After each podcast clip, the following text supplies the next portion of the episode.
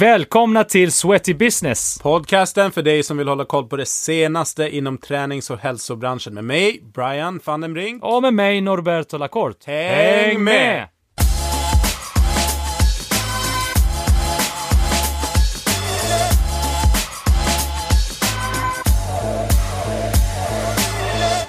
Dagens avsnitt presenterar vi i samarbete med Ljudbank som är ljudproducenter, en ljudstudio som ligger på Söder i Stockholm. Perfekt för dig som vill göra podd bland annat. Gå in på www.ljudbank.se för mer information. Det här avsnittet gör vi också i samarbete med Vint, en skräddarsydd bokningsplattform för gym och studios, till exempel yogastudios och eh, crossfit-boxar. Bra, men vad är det som är grejen med Vint då? Det finns ju redan sådana på marknaden idag. Yes, bokningssystem finns och det har de flesta anläggningarna. Dock, de flesta är webbaserade så man måste gå in via dator eller en dålig upplevelse via mobilen. Vint är mobilbaserat, så att Mobile First. Du går in eh, som, om, som anläggning, om du signar upp på det här så får du din egna app som är brandad med alla färger och enligt din grafiska profil som medlemmarna laddar ner i App Store. Och där sköter de sen alla bokningar, betalningar, signar upp på kurser. Eh, De kan även eh, ranka pass, eh, betygsätta pass och instruktörer så att andra medlemmar kan se vad, vad man tycker om dina instruktörer. Plus en jättegrej att man kan kommunicera sinsemellan. Medlemmar emellan kan kommunicera med varandra och du som anläggning kan också kommunicera Kanon. med dina medlemmar direkt i appen. Till exempel alla som är bokade på ett specifikt pass kan man skicka ett meddelande till direkt. Boom! Kanonbra grej, för det blir en bättre upplevelse för mig som användare. Yes, är du intresserad av mer information och testa på det här så har Vint ett, ett erbjudande för oss på Sweaty Business. Så att vint.se slash sweaty och gå in där, signa upp innan sista december så bjuder de på två månaders fri betalningsfritt helt enkelt. Bra! vint.se slash sweaty.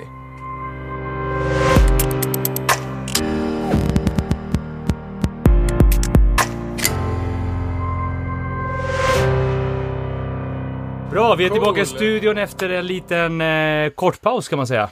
Yes, en välbehövlig paus eh, och laddat batterierna, laddat upp med arbete med vår hemsida, Yes. fräschat upp formatet på podden. Så vi lanserar den här år, när lanserar vi den? Ja, i december. Bäst, bättre att säga det.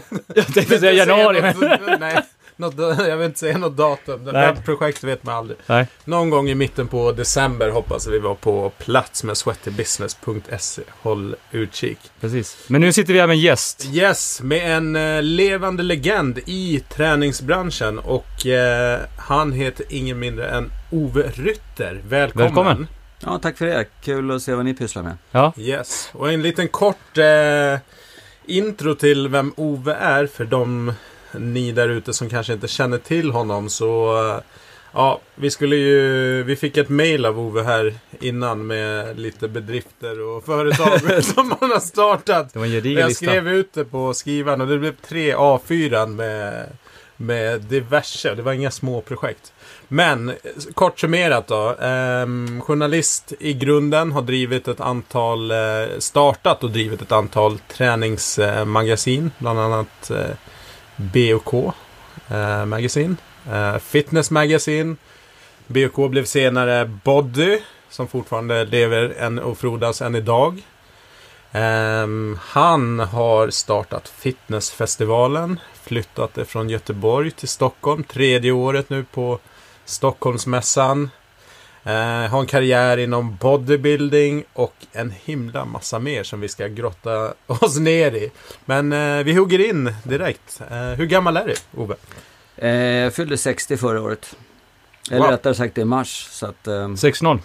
Var det för stor fem- fest då? eller? 57 Nej, jag faktiskt hade, jag har haft stor fest varje så att säga jämnt år. Men i år, jag hade inte den här fyllde 60. Eh, utan då tycker jag att det, då gjorde vi lite annat. Mm. Ja. Grattis i efterskott. Ja, tack för det. Grattis i efterskott. Jag kommer ihåg när du skrev boken. Ja, det ska vi inte gå in på senare sen. Men, Du menar träning för män 40 plus? ja, men har du inte liksom kört en sån där efter varje? Grejen är ju den att det som är bra att skriva en bok som heter Träning för män 40 plus, så att det är, man är ju 40 Ja. plus hela livet. Ja? Man blir aldrig äldre än 40 plus. sådär ja. Bra. Så att eh, jag behöver inte skriva något mer. Nej, Yes. Eh, var är du uppväxt? Eh, jag är född i eh, Mälarhöjden på Klubbacken 1 och flyttade till eh, Stureby när jag var ett år gammal. Bodde där till jag var 10, sen bodde jag i Sköndal fram till jag flyttade hemifrån. Då bodde jag i stan ett tag. Så att jag är Stockholmare. uppväxt i Stureby, Stockholm Mm. och Sköndal, Stockholm. Härligt. Um, som jag pratade om här i inledningen så har du ju en, uh, jag skulle säga att du har den uh, längsta och största karriären av alla i, i träningsindustrin idag. Definitivt i Skandinavien. Um, men kort summering, liksom, hur har din, din väg varit in i träningsbranschen fram till där, där du är idag i grova drag med lite milstolpar kanske? Man kan väl säga så här att eh, ingenting i livet är en slump, men det här var väl mer eller mindre en slump. Jag gick i journalisthögskolan, gick ut, jag gjorde min praktik på Radio Örebro, fick fast arbete, jobbade som nyhetsreporter, satt och pendlade fram och tillbaka till Stockholm. Men eh, den här idén med tidning fick jag ju ganska tidigt och tänkte att det vore spännande att prova att göra en tidning om träning. För jag menar på den tiden, ska ni veta, när jag startade tidningen fanns det ju bara fyra gym i Stockholm. Och eh, när de skulle starta det femte så kom den, eh, en av klubbägarna in till mig och skakade på huvudet och sa nu är det överetablerat. så då kände jag att nej, jag tror nog inte riktigt det. Eh, det här känns som att det är början på någonting nytt. Så det, det var lite magkänsla och startade första utgåvan eh, i augusti 1981. Eh, vi fick 900 prenumeranter faktiskt först från början för att vi jag jobbade ihop med en kille som heter Ingmar Dahl som höll på med träningsredskap. Vi använde det i registret och så började vi så. Så det var Ah. min väg in egentligen att börja skriva. Och sen uh, efter tiden har gått så har det ju kommit massa sidoprojekt då som du har sett på den här listan som jag skickade över. Ja, exakt. och det var, det var lite roligt när du frågade om, när du stod, vad har du gjort din karriär? Då kände jag, okej jag får väl tänka till lite här. Så det var faktiskt väldigt roligt att göra den själv, för jag har Ja. aldrig, det är aldrig någon som har frågat. Men det vart ju, jag vet inte hur många punkter det blev, men det var ju ganska många projekt där, det var väl 50-tal någonting. Ja. Men du startade alltså början på 80-talet? 81? Som du 81. startade i egen tidning, eller Ja. första gången? Först, den kom ut, första utgåvan kom ut i augusti 20, 1981. Mm. Och det var body och kraftsport. Då hette, den, då hette den Bodybuilding och kraftsport. Och sen blev, hette den BOK Sports Magazine och därefter döptes den om till, till Body. Just. Så att den har döpts om tre gånger men det har alltid varit samma så att säga eh, produkt. Mm. Så media går du dig in på efter journalist? Karriären ja, så alltså, säga. så blev det ju. Mm. Eh, jag blev ju plötsligt både förläggare och, och bokförlagsinnehavare eh, efter ett tag. Så att, eh, det har alltid varit, media har ju varit grunden kan man säga, allting. Mm. Att uttrycka sig i skrift och mm, att göra events kring det, det har varit hela min affärsidé. Och så hålla sig hyfsat neutral då. då. Precis, för det här, det här var ju spännande för att det jag kunde läsa av eh, ditt, ja, om vi nu ska kalla det för CV då. Det var ju att du redan 82 körde första resorna till Mallorca, träningsresor till Ja, Mallorca. ja, det är jäkligt tidigt alltså. Ja, vi gjorde det ihop med Klubb 33. Eh, så jag ringde upp till dem och eh, den jobbade med dem många år. Och eh, senare så jobbade vi även med Reidar Svedal som är en eh, superentreprenör från Norrköping.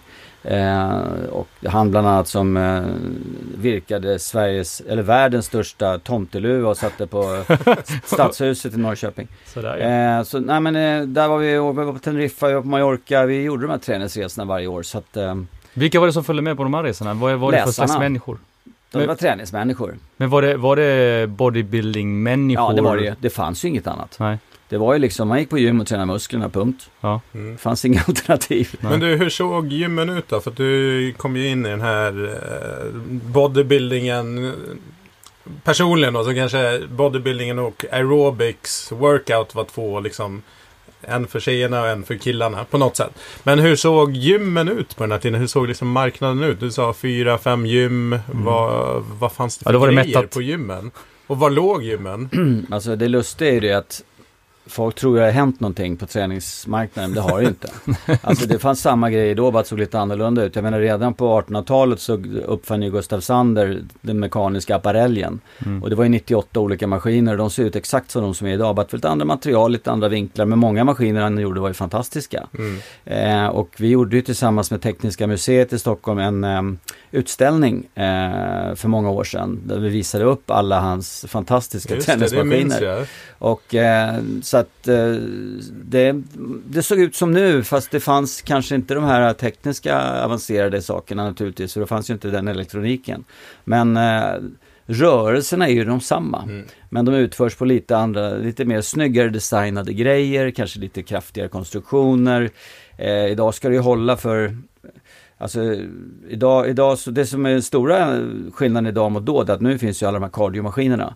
Då stod det en, en sliten monarkcykel i ett hörn och en ribbstol. Det var liksom kardioavdelningen. Det var ju en stor förändring som skedde när det kom in. Men när med, för du har ju tävlat i bodybuilding och du tränar ju uppenbarligen och har tränat väl hela livet. Hur, eh, hur kom det sig att du hittade träningen och att det blev en sån stor del av Alltså ditt liv? det där började väl egentligen redan på Hägervägen 32 i eh, Tallkrogen. Vi hade ett eh, gym där nere. Jag tävlade judo då i många år. Eh, ja, väldigt många år. eh, jag var med på, i landslaget i många år och eh, vi styrketränade ju då. Så jag började ju då när jag var 14-15 år med det för att bli starkare i judon. Så det var ju så jag började med, med så att säga styrketräningen. Eh, så att, och det här med att man då blev inom citationstecken bodybuilder, det är också en, en, en definitionsfråga. Jag menar, jag har aldrig vägt speciellt mycket. Jag är ingen stor kille utan det är det att jag har genetiskt begåvad med bra symmetri, det vill säga en smal midja och hyfsat breda axlar, vilket gör att om du då tränar judo som jag gjorde ett eller två pass om dagen, sex, sex gånger i veckan så blir du ju vältränad och det räckte för att ställa upp i Sveriges bästa atlet 1978 där jag kom tvåa och då hade jag ju knappt varit på ett gym. Ja, Det är klart att jag hade varit på ett gym men det var ju inte så att man tränar bodybuilding utan bodybuilding för mig det är ju kroppsbyggnad men det är ju, kroppen blir ju vad den efterfrågas att göra. Mm. Och då tränar vi ju till exempel i judon så körde vi ju knäböj med någon på ryggen. Körde man 100 reppare med sin träningskompis på ryggen och så körde man så tre omgångar. Då fick man ju bra ben och så körde man ju rörelseträning, man körde armhävningar, vi körde sit-ups. Vi körde ju styrketräning med egen kroppsvikt och med, med partners kroppsvikt. Så att vi körde egentligen styrketräningsrörlighetsgymnastik eh, kan man ju säga och då vart man vältränad. Mm. Har du någon eh, träningsfilosofi? Och sen kan man ju också, du har ju några eh, lite i bagaget. Har den förändrats över tid? Jag lägger ner, jag tränar väldigt kort och explosivt. Alltså träningen får inte ta för mycket tid för då blir det inte att man får in det i vardagen. Alltså Mm. jobbar man eh, Jobbar man mycket som jag gör och tycker det är roligt så kan man inte lägga ner för mycket tid utan jag kör väldigt kort och explosivt. Så det är väl min filosofi. Mm. Men hur ofta gör du det då? Hur många Jag gånger i tränar fem veckan? pass i veckan. En timme varje gång och sen så på lördagar, det är måndag till fredag och då kör jag med PT. Och då undrar folk, kör du med PT? Ja det gör jag. Därför att PT, det är ju så att finns det någon toppidrottare som blir riktigt bra utan en tränare?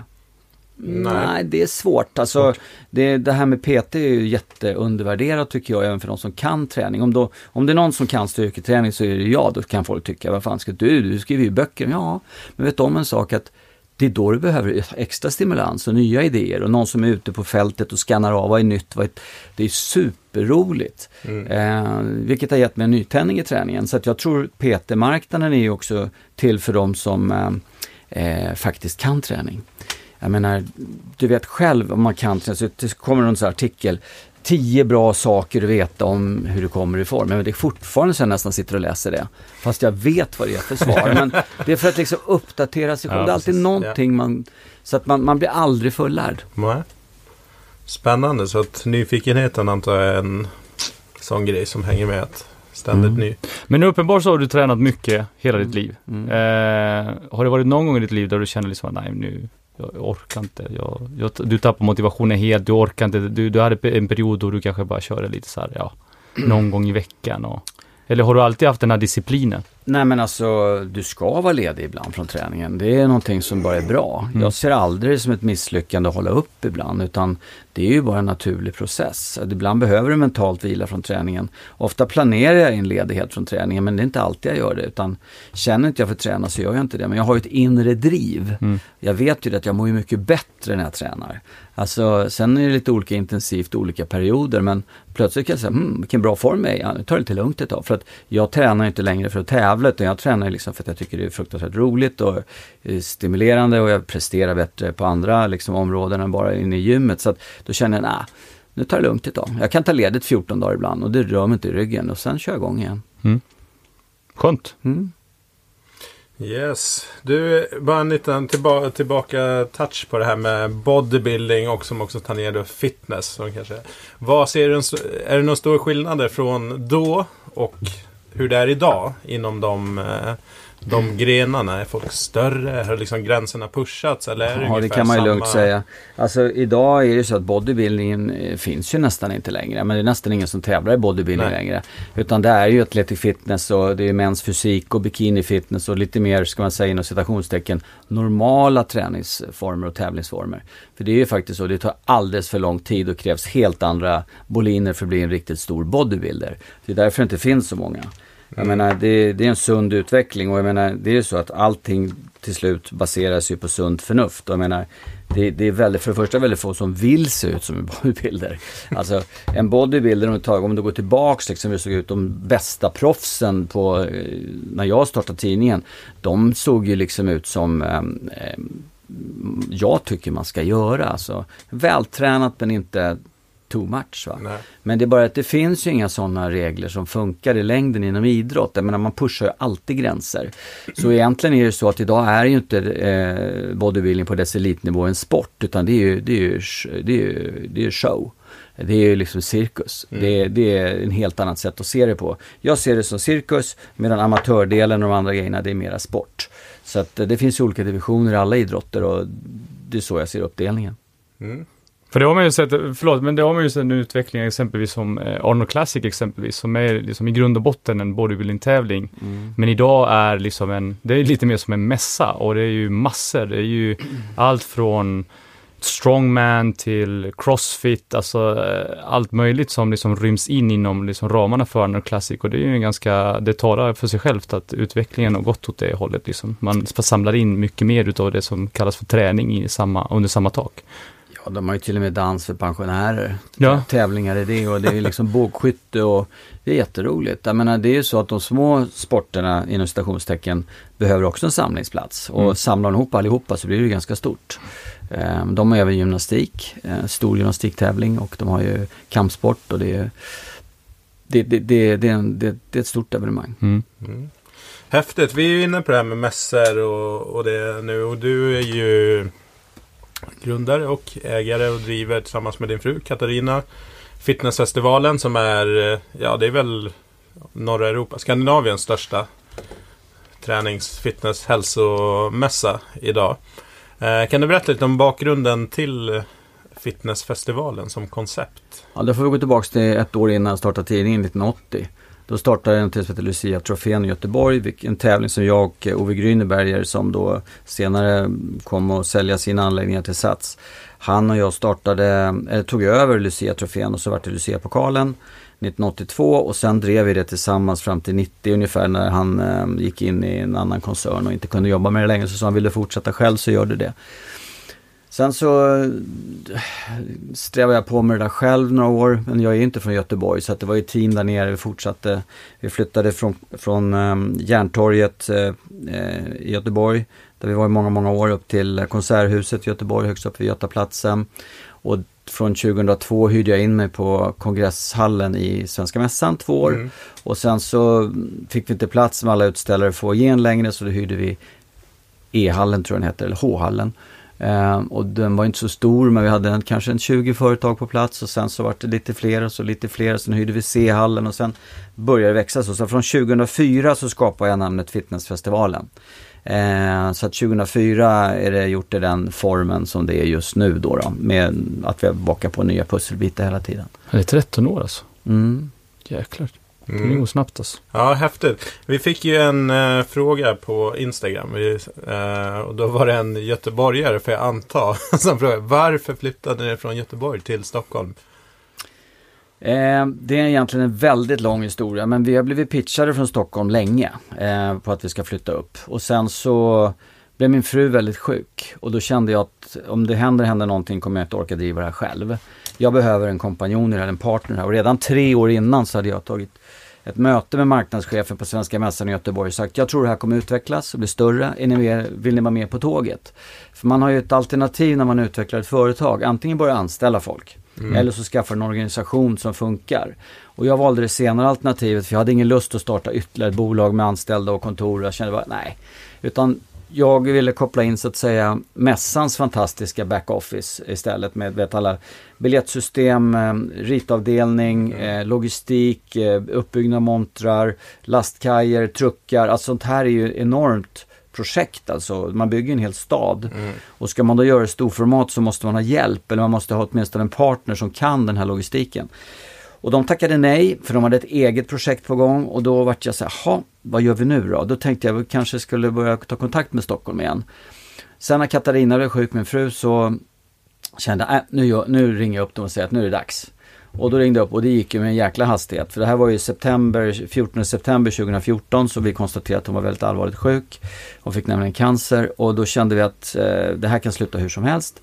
Så nu så eh, ringde jag upp Stockholmsmässan, eh, gjorde lite förhandlingar och den här gången blev förhandlingarna väldigt bra därför att jag hamnade på rätt nivå i organisationen. Mm. Och jag kände att eh, skönt att jobba på hemmaplan. Eh, det här är chansen vi har att flytta för att liksom rädda det här.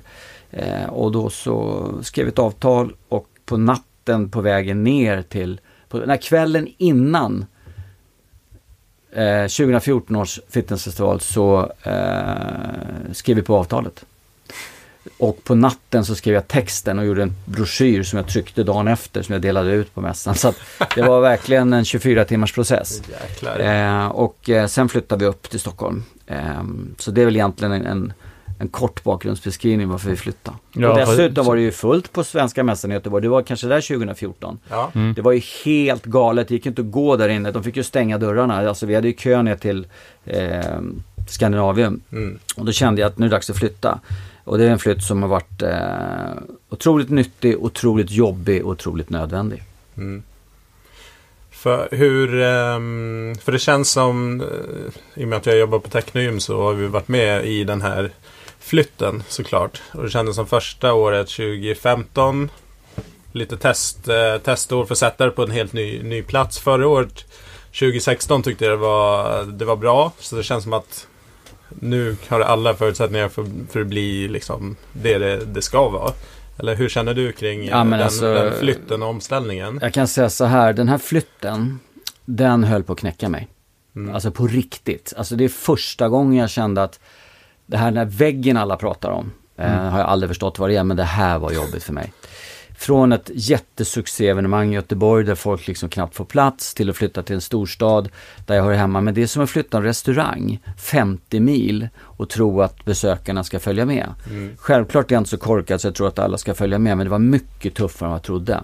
Men det man kan konstatera, trots att jag startat så många bolag, det tar tre år hur duktig man än är och vad man än gör. För att det tar sån, det är sån otroligt mur att tränga igenom ett budskap. Eh, idag går det ju snabbare rent digitalt men å andra sidan så är det så många budskap idag. Och att bli accepterad på en ny plattform i en storstad. Folk är lite mer kritiska i Stockholm också. Här händer det ju så mm. mycket. Yeah. I Göteborg hade vi etablerat en marknadsplats som var liksom omtalad, självklar, folk tyckte det var häftigt. Vi var först, det var liksom, ja. Och sen så skulle man flytta då till sin egen hemstad med de förutsättningar vi hade med alla sjukdomar hemma och eh, flytta upp allting och liksom, ja, det var jättejobbigt. Det var jättejobbigt. Så från en ekonomisk succé, om man ska prata rent privat i Göteborg, så vart det ju totalt katastrof i Stockholm. Eh, och då vart det, det är jobbigt det också. Ja, det är inte så att eh, jag står och faller med det, men man vill liksom att det ska gå bra liksom ekonomiskt. Man, alltså, man jobbar ju dygnet runt. Men alltså, jag jobbar ju alltså helt ärligt, helt utan lön. Alltså det vart inga pengar över.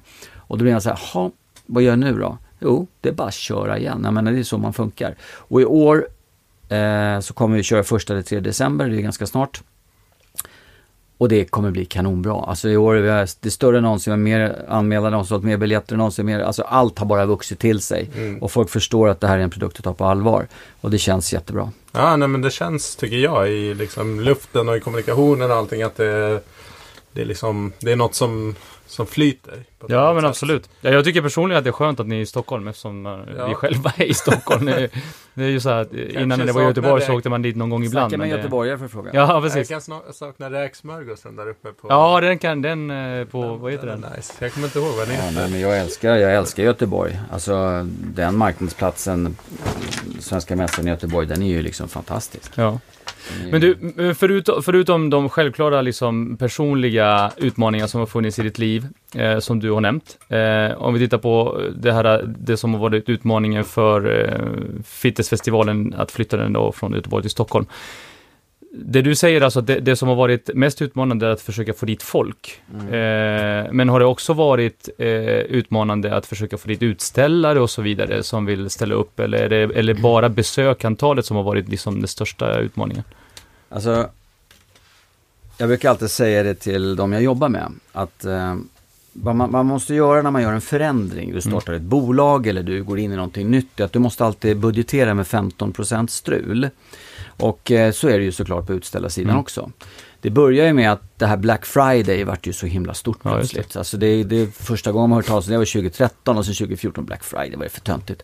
Och sen 2015 börjar företag tacka nej, e-commerce-företag, därför de vill ju satsa sin, sin, hela sin kraft den helgen på, right. eh, på nätet. Vilket gjorde att några av de största aktörerna tackade nej. Och då blir det så här, jaha, det här är ju ingen bra början liksom. Folk börjar tacka nej. Men eh, vi har ju flyttat festivalen bort ifrån Black Friday. Eh, och vi gör så att säga en Black Friday-helg ändå kan man ju säga. Men, det, men det, det var en av grejerna som hände. Så att, men så, som svar på din fråga kan vi säga att vi ökade försäljningen på, på eh, utställarsidan från eh, Göteborg till Stockholm. Så att eh, det har gått bra. Mm. Ehm, och i år så slår vi alla rekord. Eh, vi ökar ytterligare nästan 30% i år skulle jag tippa. Så det, går- det går upp och det kommer fortsätta. Alltså det, folk frågar om träningsbranschen, vad kommer hända framöver? Ja, vi är fortfarande bara i början. Mm. Alltså det här kommer, det, det kommer, träningsbranschen kommer spridas in i alla områden. Inom, liksom, inom teknologi, inom mat, inom, därför att det blir aldrig omodernt med en vältränad kropp. Och det spelar ingen roll vad folk säger för att någonstans är hälsan det viktigaste vi har. Och sen gäller det bara att hitta sin form. Men å andra sidan så eh, är det ju så att hur ska man då fylla sitt liv med någonting som är meningsfullt? Jag menar, ska jag satsa pengarna på börsen, låta dem växa och eh, få en bra ekonomi och ha en fin familj och så vidare och så går jag runt med en välfärdssjukdom och dör liksom ifrån alltihopa. Mm. Det är ju helt galet, det är inte intelligent sätt att leva på. Så egentligen det vi håller på med, både ni och jag och många, alla i den här branschen, vi gör egentligen en jätteinsats. Det är bara det att vi motarbetas ju många gånger utav den traditionella medicinen, vi med det traditionella tänkandet. Det ses ofta som lite suspekt. Jag menar jag som då är bodybuilder, jag menar vad är det för lirare som går runt med, med liksom så vältränade, det kan ju inte vara sunt. Jo, kanske. Nej men alltså allvarligt talat, det, det, man blir ju ofta lite dömd. Man går ju runt med sitt eget visitkort va. Och det är så att jag är stolt över det jag gör. Och det är väldigt viktigt att man är det. Man ska aldrig liksom säga, åh vad gör jag? Nej, jag kör lite, tränar lite. Jag kör fem pass i veckan. Okej, jag är inte bodybuilder. Jag är en, en, en tränande människa. Men som faktiskt har annat att göra i livet också. Men jag tror de flesta människor skulle vilja vara i lite bättre form.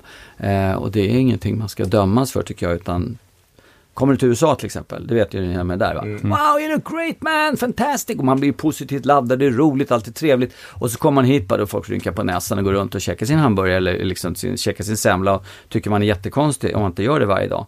Men det är man ju inte. Nej. Men, men tycker du, för att uppenbarligen så har det funnits, eh, jag tror att de flesta kan, kan hålla med om att det funnits, liksom, och det finns ju fördomar mot allt och alla, eh, men just bodybuilding har det funnits en hel del fördomar mot. Har det förändrats över, över tid? Nej men jag tycker att det är befogat. Alltså det är många gånger befogat att ha fördomar mot någonting som inte är sunt. Det finns ju delar utav det som inte är sunt, men vi som är sunda bodybuilders till exempel, eller sunda tränare, vi vill ju, det är som att gå ut i, i, i biltrafiken. Det finns alltid någon som kör runt på fyllan, men alla är inte dåliga bilförare. Mm. Så att eh, det, det, det finns med rätta en viss skepsis mot eh, hela företeelsen, men det tycker finns ofta människor som dömer för hårt. Eh, Det är inte så att man gör någonting dumt, utan man gör någonting man är intresserad av. Jag tycker alla människor Alltså, till slut blir det nästan förföljelse av minoritetsgrupp, vilket inte är okej i andra sammanhang. Nej. Men här har ofta varit ganska okej att vara lite så här, ja, man får öppet visa sitt förakt eller någonting, medan det får man inte göra mot, andra företeelser i samhället, andra människogrupper, vilket inte är, för det är inte, det är liksom inte, inte schysst. Så jag tycker ibland att man har varit oschysst mot de som tränar riktigt seriöst. Jag tycker det har varit en töntig debatt många gånger. Jag tycker att det har varit eh, onyanserat och eh, utpekande. Och Mm. det gillar jag inte. Nu vi pratar mässor och eh, business. Hur, eh, alltså fördelningen liksom procentuellt biljettintäkter från mässbesökare kontra liksom sponsorer och utställare. Hur, eh, hur är den balansen? Liksom, vil, båda delarna är såklart viktiga, men hur stor andel utav ett sånt projekt? Man kan väl säga att eh, om man säger så här då, att det kanske är eh, 60% utställare, alltså det beror på hur man räknar riktigt, men eh, Mm. om du säger att det är 50% eller 60% eh, utställarintäkter, eh, 12-15% intäkter på sidoevenemang eh, och sen har vi då sponsorintäkter och så har vi då publikintäkter. Mm. Men eftersom vi tar ju så lite betalt för publikintäkterna så är, alltså, det blir inte så mycket. Det är, alltså, vi har ju en rabattkod vi delar ut till exempel då man går in för 125 kronor inklusive moms och det är 100 kronor per, per, för en, eh, en eh, normal besökare en dag på mässan. Så jag menar får du in 10 000 en dag så är det ju inom citationstecken bara en miljon men i, i, i så omsättningssammanhanget så är inte det så mycket. Nej. Eh, så att eh, vi har omfördelat också intäktskakan därför att förut så var ju Lucia-pokalen en väldigt viktig intäktskälla i Göteborg. Jag menar jag sålde 6600 biljetter sista året där nere. För då delade vi upp det så att vi, man köpte klassvis. Just det. Man köpte Just, bara, för, och det gjorde vi av flera olika skäl. Dels är det klart en bra affär, men det är också en respekt för de tävlande. För att det är inte roligt att köpa en dagsbiljett och sälja slut. Och sen är det tomt nästan i, i, i salen eh, vissa gånger. Och, därför att de vill inte se den klassen ändå. Och de har inte kunnat sälja till deras vänner som ville se dem. Mm. Utan här kan man gå in och liksom handplocka. Nu har vi så pass stor sal och det, nu när vi körde Lucia-pokalen var vi den enda nybörjartävlingen i Sverige. Liksom den enda som var, nu finns det 16 tävlingar. Mm. Så de, de socialt kannibaliserar ju på varandra. Men det, det gör inte oss så mycket. Men eh, nu är inte tävlingen, nu kanske vi bara har 300 tävlande. Just det. Och det är inte så mycket. Vi hade ju nästan 600 i Göteborg. Men eh, det är en naturlig utveckling och det är andra bitar som ökar. Nu kör vi ju crossfiten till exempel. Mm. Ja. Ehm, det är ju fullt. Det är Den har ju blivit, ja precis, den har ju blivit otroligt populär. Ja, det är tävlingen. 450 tävlande där och sen har vi ju Kampsportsfestivalen, vi har ju alla publiktävlingar och vi har ju ett stort konvent och så att alltså det, vi fyller på med andra grejer. Kan, kan inte du bara gå igenom snabbt eh, och de olika segmenten i fitnessfestivalen? För att som sagt, det har ju vuxit och det har ju breddats. Men, men det, för det finns ju så, precis som du säger, du har ju crossfiten, du har ju utställare, eh, du har bodybuilding fitness. Eh, och så kan inte du gå, gå igenom lite grann, vilka olika segment finns det som ni, som ni Ja. visar under visst Alltså det, det tar ju lång tid. Nej, jag ska ta det väldigt kort. Det är ju så att festivalen är ju menad som en inspirationsplats för alla Mm. som gillar träning på olika nivåer av olika typer. Så att vi har ju allt ifrån styrkelyft, crossfit, bardipstävlingar, boxjump. Vi har ju Lucia-pokalen fast det är ju en separat sal där man får betala för att gå in så att säga. Eh, vi har ju tränardagarna för de som vill så att säga antingen smaka på det här med att vara tränare eller bara vill ha en De som jobbar i branschen. Ja, och man kan välja de föreläsningar man själv vill. Och sen har vi då Scandinavian Club Business Days där vi kör eh, ett annat utbildningsspår. Eh, där vi har, men det är inte utbildning heller, det är också inspiration. Träffas eh, och sen har vi då hela affärsområdet som är helt fullt. Mm. Med utställare, det är allt nytt som kommer. Eh, vi har ju Eh, Les Mills kör vi ju då Super Weekend med dem. De har ju då för sina instruktörer och plus att vi Ja. har våran målgrupp kan själva gå in där och vara med. Det är en jättebra grej, jättebra samarbete. Vi har ju eh, eh, då fitnessfestivalen Throwdown som sagt som är två stycken jätteduktiga killar i botten som håller i det. Eh, vi har ju RGA, en ny typ av eh, tävling där man går in och med viktkoefficient, eh, man, kvinna, ålder, kopplar in ungefär som ett handikappsystem i golf. Men Mhm. du tävlar, du tävlar i olika styrkemoment. det är en ny grej som kommer att lanseras på mässan. Vi har ju då Tyngre som kör sin uh, marklyftstävling, one, one, eh, Last One Standing, där man, så att Ja, säga, man höjer lite sakta vart efter, plus en mer professionell tävling dagen efter. Vi har väl ett, eh, jag vet inte hur många föreläsningar det är totalt under helgen, men det är väl säkert 150 skulle jag Ja. tippa.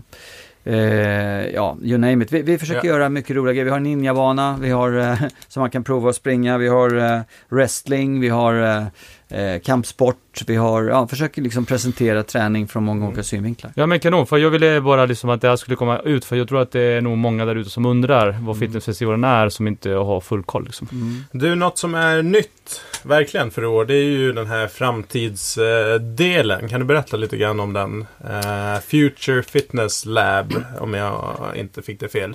Nej, precis. Ja, men, eh, jag är intresserad av eh, vad som händer eh, liksom, ute i världen. Jag har min nyfikenhet och det här med virtual reality, träning i, i virtuella miljöer, de är, det är häftigt. Efter jag provade första gången själv kände jag wow, det här är coolt. Men den stora idén med det är ju egentligen att koppla ihop det med ungdomar på sikt. Därför att idag är det mycket stillasittande ungdom, alla sitter och spelar idag på telefonen eller på datorn.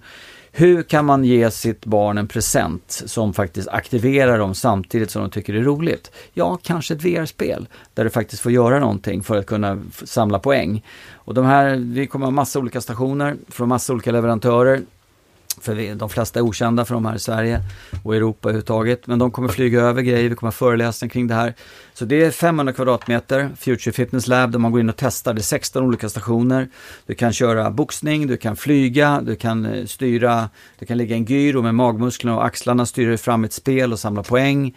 Du kommer kunna eh, skjuta, du kommer kunna ro på Themsen, du kommer kunna klättra i berg, du kan liksom göra de här sakerna i virtuell miljö. Och det som skiljer det här ifrån vanliga dataspel är att du måste jobba med kroppen för att klara av dem. Häftigt. Ja, det är skitcoolt.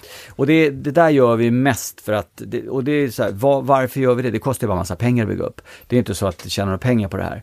Utan det är ju så att det är för att väcka det jag kallar för offanismen. Så här, Åh fan, häftigt. Åh fan. Offanism. Ja, där man går in liksom och tycker att vad roligt, det händer någonting nytt. Va? Till och med ni tar upp det nu i den här podden, för det är lite spännande. Du kommer själv gå dit och prova ett sånt här spel tycka, Absolut, det var jag roligt. blev väldigt sugen på Ja. att gå in där. Så att eh, då är det så att alla som går de här Scandinavian Club Business Days, då har vi, då har vi två timmars VIP-tid för dem. På, på lång, vi tar långlunch på, på fredagen så att säga. Där vi har föreläsningar i Top Speakers Corner. Man kan gå och käka lunch och man kan gå till eh, Future Fitness Lab och testa. Du, det här tangerar ju det här vi var inne på tidigare med att träningsbranschen sprider sig in i olika områden. Här pratar vi ju till exempel ett uppenbart problem med tv-spel och grejer, i alla fall i den rika västvärlden. Mm. Tror man kommer definiera, för det blir ju intressant definitionsmässigt. Är det träning eller är det någonting annat? Eller spelar det ingen roll egentligen vad man definierar det som?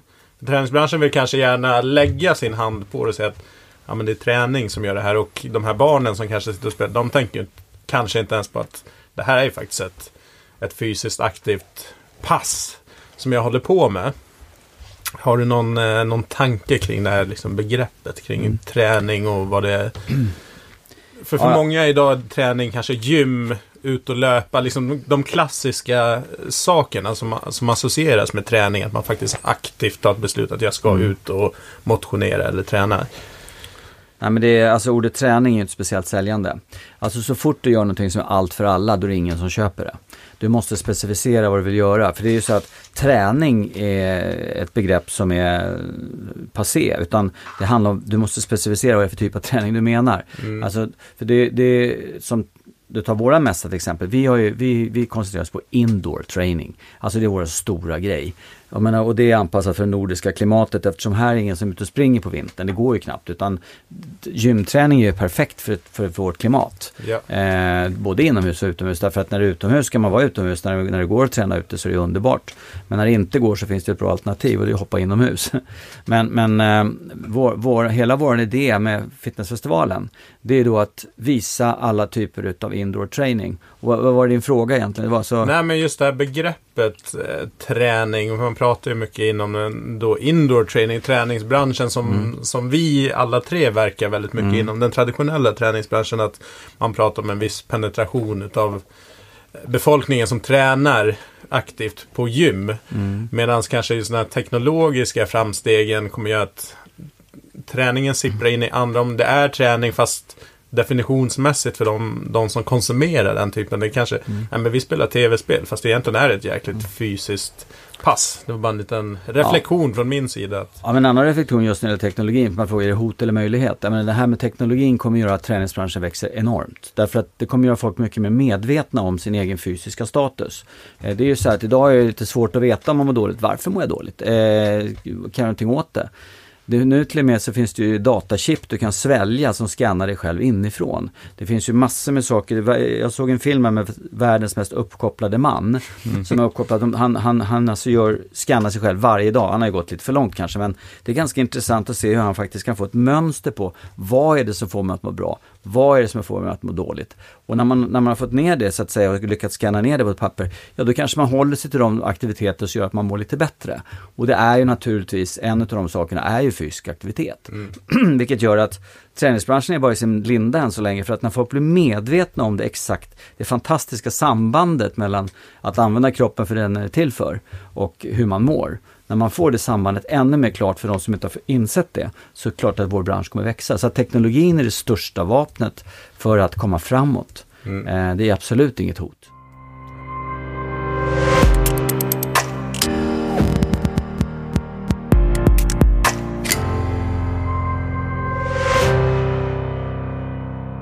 Ett, ehm, ett annat projekt som, du, som jag vet att du har gått in i, gymjakt.se.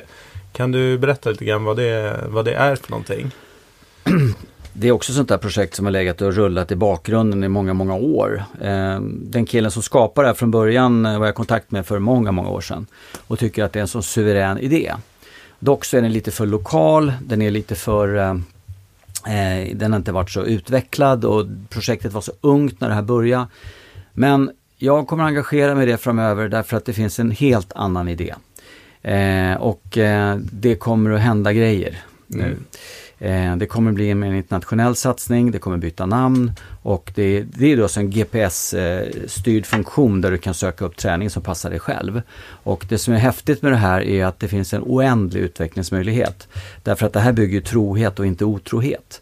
Det vill säga jag, jag, tycker att träningen, en väldigt stor del av träningen som man sällan pratar om, det är den sociala gemenskapen. Mm. Alltså det är mysigt att ha en en vuxen ungdomsgård att komma till och träffa folk och Det är liksom egentligen därför man tränar, för det är en del av ens liv. Mm. Det är inte så att man vill vara en kringflackande kille som bara gör lite, lite av varje, då blir man inte bra på någonting.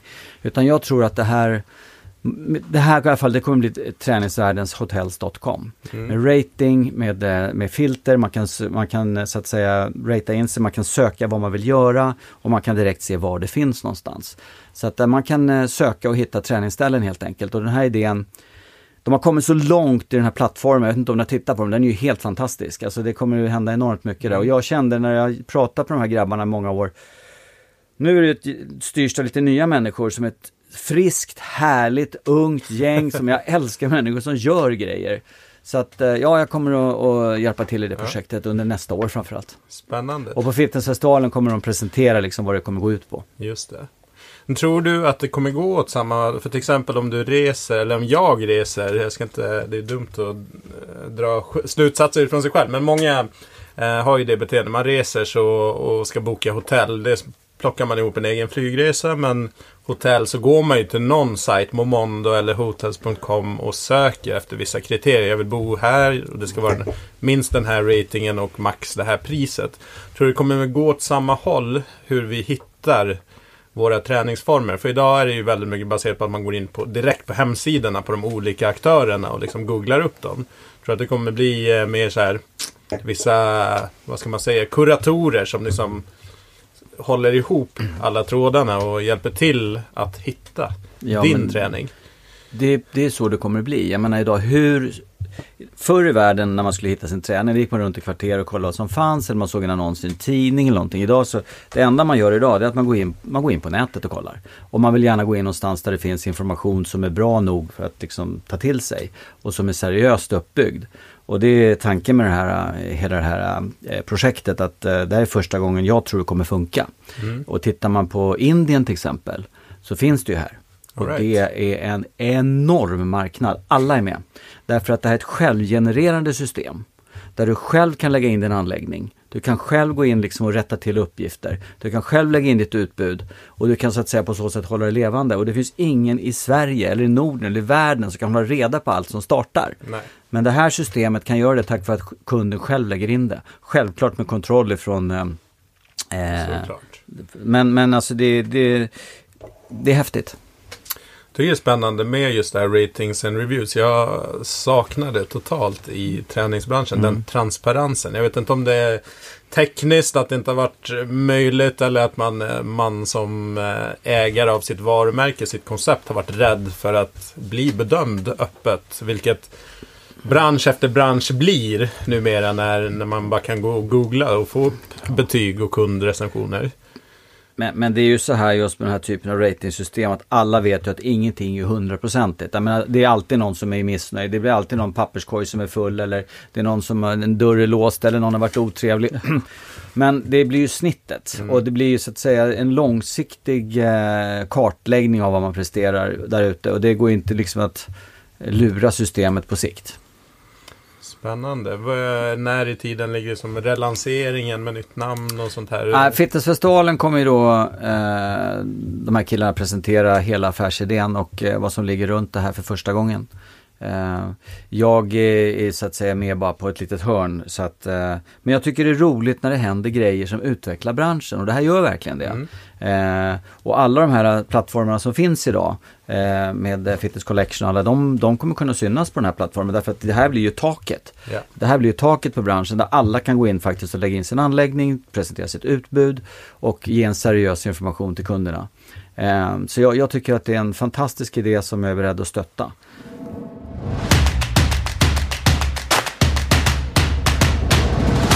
Sex snabba frågor till dig. Ehm, en app som du använder mycket.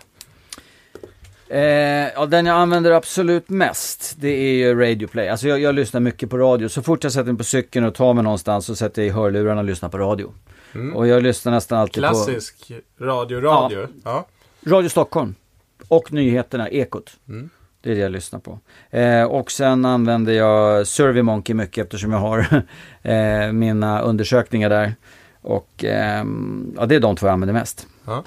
WhatsApp också. Det har vi vår lilla träningsgrupp där jag tränar med två killar och vi har vår kommunikation där så den är inne på hela tiden. Coolt. Har du något, eh, du har gjort en massa lyckade projekt, men är det något specifikt som du känner, jäklar det här är jag nöjd att jag fick på plats? Det är mina, alla mina böcker. Att jag har lyckats skriva böckerna, fotat böckerna och gett ut böckerna på eget förlag. Det är jag supernöjd med. Det har varit en bra affär och det är alla som har gjort en bok i projekt, det har gjort många böcker. Så det, det tycker jag är häftigt. Du har gjort fantastiskt mycket, du har ju konstaterat, startat ett gäng olika tidningar och events och massor av projekt och nu senast då det här som du berättade om som du har en liten del av. Eh, vad finns det för grejer som du eh, liksom känner att nej, men, det här var mindre bra? Alltså, ja, nej, jag orkar inte dra min egen lista där, men om du tittar på alla bolag jag har startat och alla projekt så är det några stycken. Och det är ju så att alla, eh, alltså om, om allting hade funkat perfekt hade man haft alla kvar kanske. Men så är det ju inte, utan jag har ju sålt av efterhand också. Dels så är jag en, en igångsättare och jag kan vara en förvaltare också, men eh, vad du frågar om egentligen är någonting som har misslyckats. Eller? Ja. Precis. Jag har aldrig gått i konkurs och det är jag stolt över. Mm. Men eh, alltså det finns egentligen inga misslyckanden. För varje misslyckande är ju en utveckling. Och det, är- det är därför man är där man är. Men vissa saker jag verkligen har trott på. Som jag har satsat mycket pengar på. Det är till exempel när vi startade Kalori, alltså restaurang Kalori. Vi, jag vill ju starta en kedja utav restauranger som har ett alternativ till billiga lunchrestauranger med dålig mat. Där man skulle ha utbildning för eh, bespisningspersonal och göra lite nyttigare. Alltså, jag hade en ganska stor vision och det är skillnad på vision och mål. Eh, visionen var att göra det här. Och jag gick med i Svenska Franchiseföreningen, gick utbildningar där och liksom vi hade en, en annons ute och, eller vi, vi, vi, ja, vi, vi sökte lite franchisetagare, vi hade 127 ansökningar.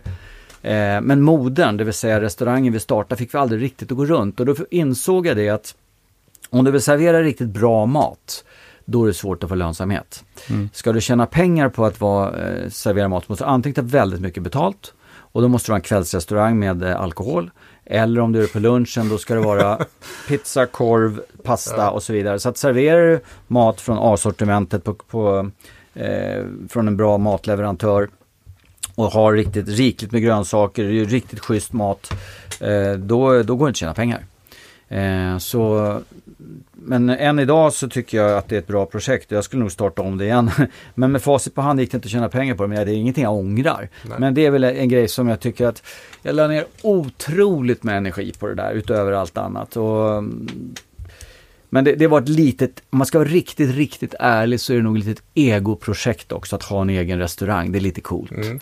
Eh, men det, det är inte jag själv som ägde den helt till 100% men det var ju då eh, starka kraften där är Henke Ryman som står bakom disken som är världens bästa Världens bästa näringsidkare. Men tyvärr så stänger det nu därför att eh, eh, fastighetsägaren vill inte ha restaurangverksamhet i huset längre. Och det trots att det här var ju restaurang annorlunda på 80-tal, början på 80-talet. Så det har varit restaurang i, i fastigheten i alla, alla år. Men nu är det så att innerstadshyrorna går upp eh, och man vill ha ett showroom istället. Så jag vet inte vad det blir där. Nej. Mäktigaste personen i ditt nätverk eller i din telefonbok? Tony Shee, grundaren av Zappos.com eh, i Las Vegas. Och sen eh, affärsprofiler i Sverige som jag inte vill nämna. Men alltså jag känner ju många personer som, eftersom jag har jobbat inom Bonnierkoncernen i många år. Eh, som förlagstekniker ihop med Jonas Bonnier. Så, så klart att jag känner många människor där som är eh, samhällspåverkare. Mm. Coolt. Jag trodde nästan du skulle säga Arnold Schwarzenegger. Nej, jag har inte hans telefonnummer. Men Nej. däremot så har jag några andra i hans närhet som eh, också är skådisar. Men... Eh, Sylvester Stallone. ja, precis. Jean-Claude Van Damme. The Expandables. Ja, men coolt. Eh, en person som du ser upp till eller har haft som förebild eh, genom åren? Eh, ja, det är faktiskt Tony Shee eh, på Zappos.com som jobbar med ett stort mantra i sitt företag som heter Happiness. Och det är så att eh, när jag hörde, hans för, hörde honom föreläsa första gången så vart jag så här, bara, det finns ju vissa så här moments of change i livet när man känner att det här påverkar mitt liv. Och det var ett sånt möte där jag kände att det här är precis det vi saknar många gånger i Sverige och inom företagskulturen. Där man går in och, liksom och bara kommunicerar happiness. Och liksom det är det som är hemligheten att driva ett framgångsrikt företag. Det är att sprida energi. Och han spred sån fantastisk energi och det har jag alltid haft som mål också att göra till mina medarbetare som jag haft väldigt lite personalomsättning och jag hoppas de vittnar om det att man måste vara liksom positiv och glad och inte bara prata problem utan det ska vara roligt. Även om det är problem så måste man ha ett leende på läpparna. Man måste liksom gå in och jobba och det var han specialist på. Eh, och han gjorde, eh, ja, jag åkte och hälsade på honom sen i, i eh, Las Vegas och eh, det var en, ett möte som eh, påverkade mig. Mm. Häftigt. Ja, men slutligen då, ska jag ta den sista frågan. Eh, en trend som du tror kommer mycket och framöver i branschen? Det är såklart, jag, nu har inte jag lyssnat på alla poddar och säkert pratat om det, men det är boutiquegymmen, men alltså boutiquegym ihopkopplat med teknologi. Eh, där vi kan kommer se att en, en helt annan eh, community, det vill säga när man tillhör en, en viss community digitalt så kan man också tillhöra den fysiskt. En fysisk mötesplats kommer kopplas ihop hårdare med det digitala. Eh, man kan till exempel idag, alla till exempel i en, en viss box eller en viss eh, boutiquegym kanske har ett chip i handen där man eh, går in, man kan kopiera, man kan köpa grejer, allt ihopkopplat till ditt eh, konto. Eh, man slipper liksom problemen. Eh, teknologin kommer att vara den största drivfaktorn i innov- innovationsförmågan inom träningsvärlden de närmsta tio åren. Vad känner du är största hindret för den här teknologiska fram, framväxten? Det pratas mycket teknologi, men jag ser inte så här jättemycket teknologi ute hos gymmen. Om vi pratar om dem specifikt så är det liksom inte, ja, det är inte wow direkt just nu. Problemet är att man måste göra jobbet själv. Det finns ingen teknologi som kan liksom ersätta. Men vad jag menar med det är att vi kommer göra medvetenheten så mycket större. Så där tror jag att träningsindustrin underskattar teknologin. Jag tror att, om det nu är så. För att jag känner att det här är ju verkligen framtiden. Alltså, problemet man har är att folk, det som kommer hända, det, det som kan sätta stopp för det hela, så kan det bli en, en, en, liksom en liten bugg i systemet, det är när folk känner sig kontrollerade. Eh, alltså man måste komma ifrån det, man måste känna att det här är en hjälp bara. Men att det inte är så att jag blir kontrollerad så att det inte blir en Orwell-grej utav det. Utan att man inte blir liksom storebror som ser dig. Utan det ska vara en, en hjälp på vägen, man ska känna att man tillhör en community och att det är en, en, en, en digital support. Då kommer det funka. Coolt. Har du någon eh, person som du eh, skulle tipsa oss om, som du själv skulle vilja lyssna på i det här sammanhanget, i Sweater Business och prata träning Ja, och affärer? Jag, jag funderade lite på det, för du ställde faktiskt den frågan innan och jag kände att eh, när millenniumskiftet kom i Sverige så gjorde jag något som heter Legendernas afton. Där jag bjöd in 140 personer till en stor middag. Där vi så att säga delade ut ett pris till alla de som har gjort någonting för branschen. Bakåt i tiden. Det är lätt att glömma dem. Och eh, en person som jag skulle tycka var spännande att lyssna på, det är den som faktiskt startade Sveriges första gym. Det är Henry Bergström. Henry Göteborg. Bergström. Okej. Han startade på Gamla Ullevi i Göteborg och drev då Citygym som eh, nu inte finns mer men han har ju varit med riktigt från början. Eh, en sån person tycker jag vore spännande att ha med i en sånt modernt forum som en Ja. podcast, om han nu ens vet vad det är för någonting. Ja, Men eh, ja, faktiskt. Hur långt tillbaka är det här? När startades det gymmet? 1959 Ja, det var startade 50. han gymmet tror jag det var. Mm. Jag vet att han, han vann Mr Sweden 1958. Eh, året efter första året, det var 1957, samma år som jag föddes som första Mr Sweden arrangerades. Men eh, han är en väldigt, väldigt fint människa och en person som har gjort han skrev första boken också om styrketräning som heter Bygg dig stark. Eh, han startade, han har gjort mycket, mycket bra för branschen som eh, man inte får glömma tycker jag. Det är lite historik i det. Jag menar, Absolut. Arne Tammer finns ju inte längre. Eh, några av de här gamla profilerna som har verkligen kämpat, de finns ju inte längre. Men, så det kan vara kul att ha kanske lite Ja men det är bra tips. Något som Ja, har slått med i de här poddavsnitten när vi har haft eh, folk som har ett lång, ganska långt perspektiv i branschen. Jesper Magnusson, du och så vidare. Att man märker ju att det man kanske tror är supernytt har funnits fast i annan tappning. Träningsresor redan på 80-talet. Jesper Magnusson pratade om eh, olika studios av olika slag som växte fram på 80-talet och vi är ju lite tillbaks i det med butiktrenden fast i en annan tappning och nu kanske med en teknologisk tappning dessutom. Så att mycket har gjorts fast på ett annat sätt Ja. tidigare så det är intressant. Det är så roligt med Jesper just som är en fantastisk kille. Jag, var ju faktiskt med på den tiden när han tävlade. Mm. Och såg honom i, på de här grejerna. Och det var ju, då trodde man ju liksom att aerobics, det, tävlingsformen skulle bli någonting stort. Mm. Men det vart ju aldrig det riktigt. Nej. Cool. Om man vill eh, följa dig eller komma i kontakt med dig, vart kan man göra det på bästa sätt? Alltså det är egentligen Fitnessfestivalens hemsida som man får gå in på, eller min Facebook-sida. För jag, jag har inte någon privat eh, sådär sida. Men man kan följa Gymjakt ehm, som kommer byta namn så småningom. Där kommer ni kunna hitta mig i de, den sfären kring det gänget. Mm. Ehm, det är väl så. Skicka, skicka en, eh, skicka en eh, vad heter det, kontaktförfrågan In- på info. WhatsApp. Det kan man också göra. Men jag är ganska privat när det gäller de där Ja, grejerna. Blockerad blir man direkt. det är en svår balansgång det där hur Ja. privat man ska vara. Ja. Ja. Super. Har du någonting annat som du vill eh, tillägga? Tyckte du det var kul att vara med i podden? Hur, hur var det?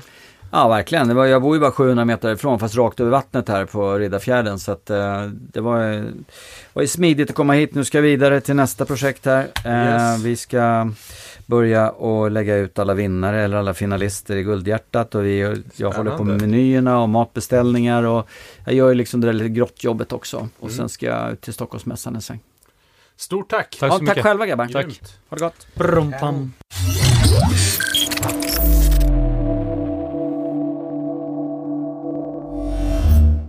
Följ oss gärna i våra sociala kanaler. Facebook, Instagram och YouTube. Du kan också skicka ett mail till oss, sweatybusinesspodd med ett d at gmail.com. Och eh, glöm snälla inte att ratea oss i din eh, poddspelare för att vi ska få ännu högre rating och kunna nå ut till ännu flera.